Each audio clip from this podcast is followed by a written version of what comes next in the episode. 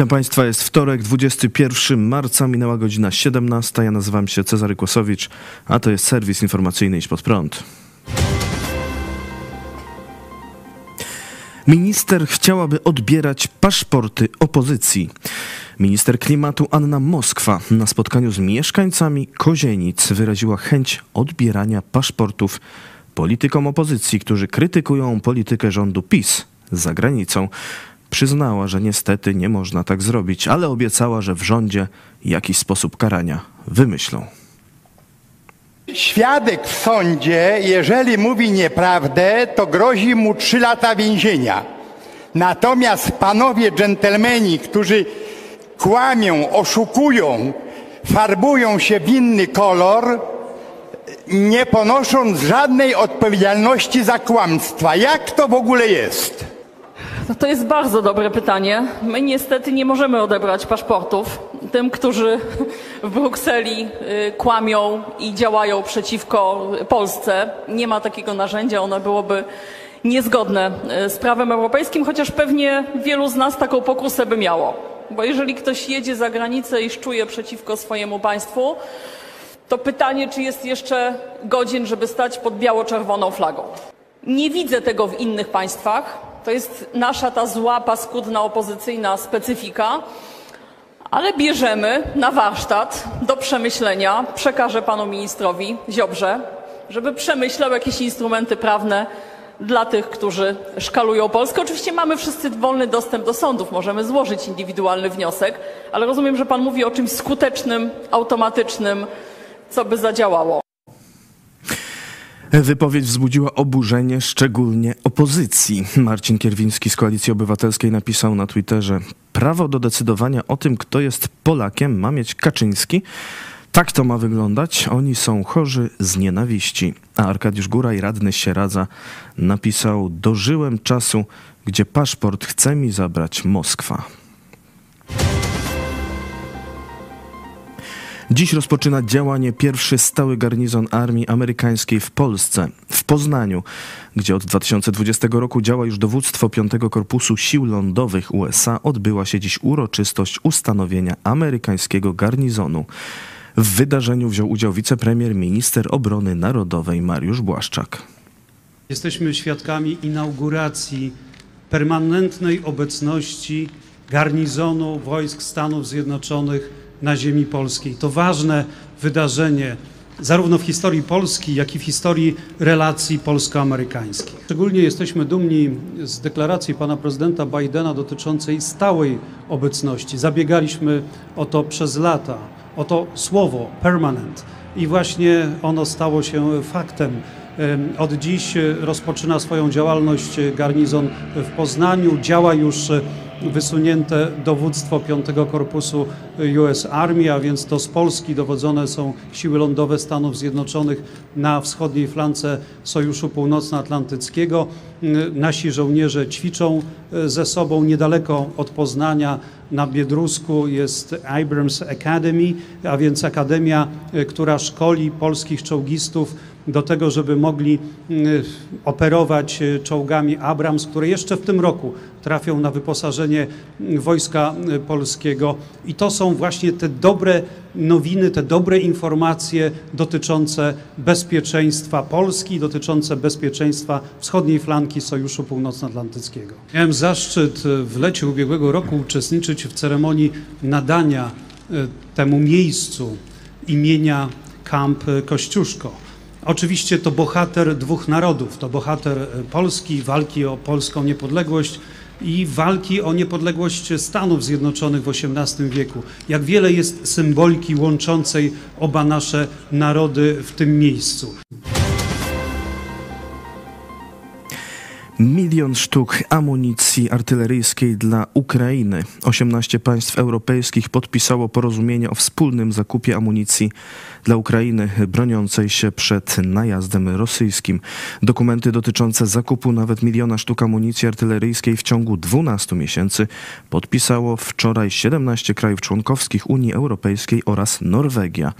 Obecnie Ukraińcy miesięcznie zużywają około 100 tysięcy sztuk amunicji artyleryjskiej. Wśród sygnatariuszy zabrakło jednak Polski. Politycy tłumaczą to koniecznością dokończenia wewnętrznych procedur i zapewniają, że Polska w najbliższym czasie dołączy do inicjatywy. Dziś rzecznik rządu Piotr Miller tak wyjaśniał. W tej chwili trwa procedura wewnętrzna, nasza krajowa, jeżeli chodzi o zgodę na ten dokument i my z racji, że też jesteśmy beneficjentem tego projektu, bo jesteśmy jednym z większych producentów amunicji, to oczywiście przystąpimy do tej procedury. Wczoraj porozumienie podpisały Austria, Belgia, Chorwacja, Cypr, Czechy, Estonia, Finlandia, Francja, Niemcy, Grecja, Luksemburg, Malta, Holandia, Portugalia, Rumunia, Słowacja, Szwecja i Norwegia. Premier Japonii w Kijowie, szef japońskiego rządu Fumio Kishida po zakończeniu wizyty w Indiach nieoczekiwanie udał się wyczarterowanym samolotem do Rzeszowa, a następnie ze stacji w Przemyślu pociągiem pojechał do Kijowa. Podczas nieogłaszanej wcześniej wizyty na Ukrainie Fumio Kishida spotka się z prezydentem Wołodymyrem Zełenskim. Japońskie MSZ podaje, że premier Japonii ma zapewnić o solidarności i niezachwianym wsparciu azjatyckiej potęgi dla Ukrainy. Kishida ma też wyrazić szacunek dla odwagi i wytrwałości narodu ukraińskiego broniącego swojej ojczyzny. W komunikacie napisano również, że japoński premier podkreśli absolutne odrzucenie jednostronnej zmiany status quo przez Rosję poprzez inwazję i użycie siły oraz potwierdzi swoje zobowiązanie do obrony ładu międzynarodowego opartego na zasadach. Wszystko to dzieje się w kontraście do odbywającej się równolegle w Moskwie wizyty przywódcy komunistycznych Chin Xi Jinpinga i jego spotkania z Władimirem Putinem, wobec którego Międzynarodowy Trybunał Karny w Hadze w piątek wydał nakaz aresztowania za zbrodnie wojenne w Ukrainie.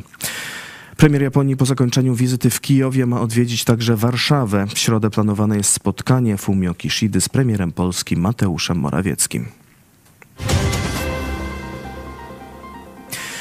Xi Jinping z wizytą w Rosji. Przywódca Chin od wczoraj przebywa z wizytą w Moskwie, gdzie spotkał się z Władimirem Putinem. Jest to pierwsze spotkanie prezydenta Rosji z zagranicznym przywódcą po tym, jak w piątek Międzynarodowy Trybunał Karny w Hadze wydał nakaz jego aresztowania za zbrodnie wojenne w Ukrainie.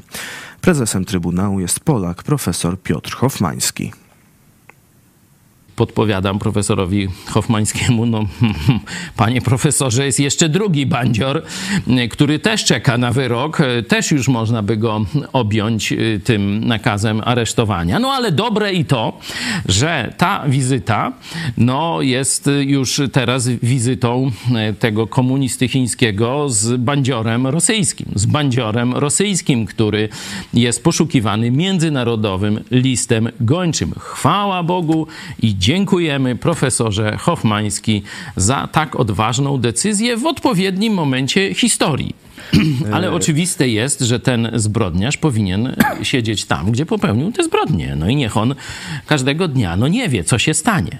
Tak jak dzisiaj dzieci ukraińskie siedzą w, ze swoją mamą w domu i nie wiedzą, co się stanie, czy ruska rakieta ich nie przeniesie na tamten świat. Niech tak se siedzi w tej celi i duma, no. Już od początku spotkania przywódcy dwóch reżimów nie szczędzili sobie uprzejmości i po serdecznym przywitaniu zasiedli do rozmów. Xi Jinping podkreślił, jak ważna jest strategiczna współpraca między dwoma największymi sąsiadami.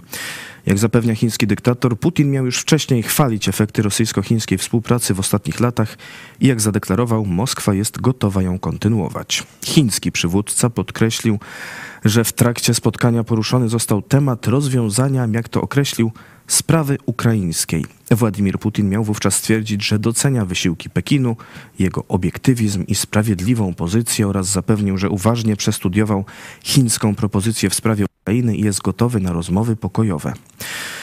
Do tej pory Chiny nie potępiły oficjalnie rosyjskiej agresji na Ukrainę.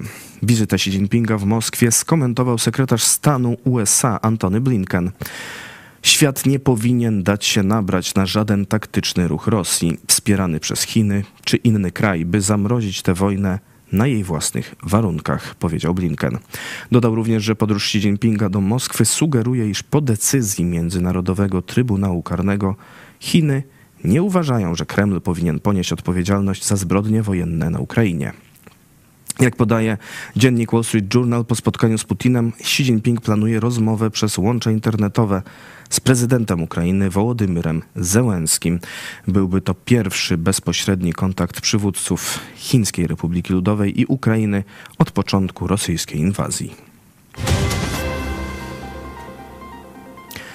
Prezydent Stanów Zjednoczonych Joe Biden podpisał wczoraj ustawę zobowiązującą do odtajnienia informacji na temat pochodzenia koronawirusa SARS-CoV-2.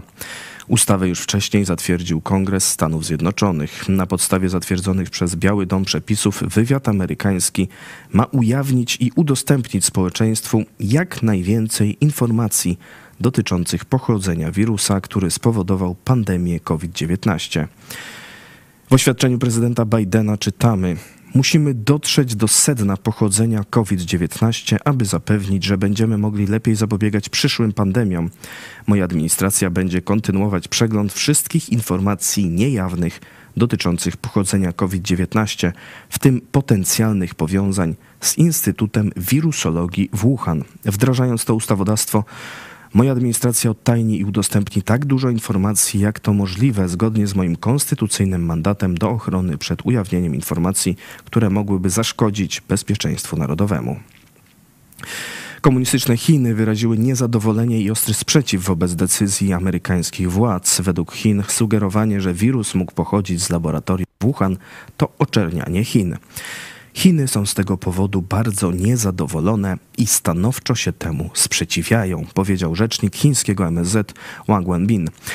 Warto przypomnieć, że w połowie lutego Światowa Organizacja Zdrowia musiała odwołać drugi etap badań pochodzenia koronawirusa ze względu na poważne utrudnienia ze strony chińskich władz. Eksperci WHO planowali m.in. audyt w laboratoriach zlokalizowanych w regionie, w którym pojawiły się pierwsze przypadki zachorowań na COVID-19. I to wszystko w tym wydaniu serwisu. Dziękuję Państwu za uwagę. Kolejny serwis jutro o 17, a jeszcze dziś o 18. Zapraszam. Były ksiądz powie, dlaczego spalił sutannę. Zapraszam i do zobaczenia.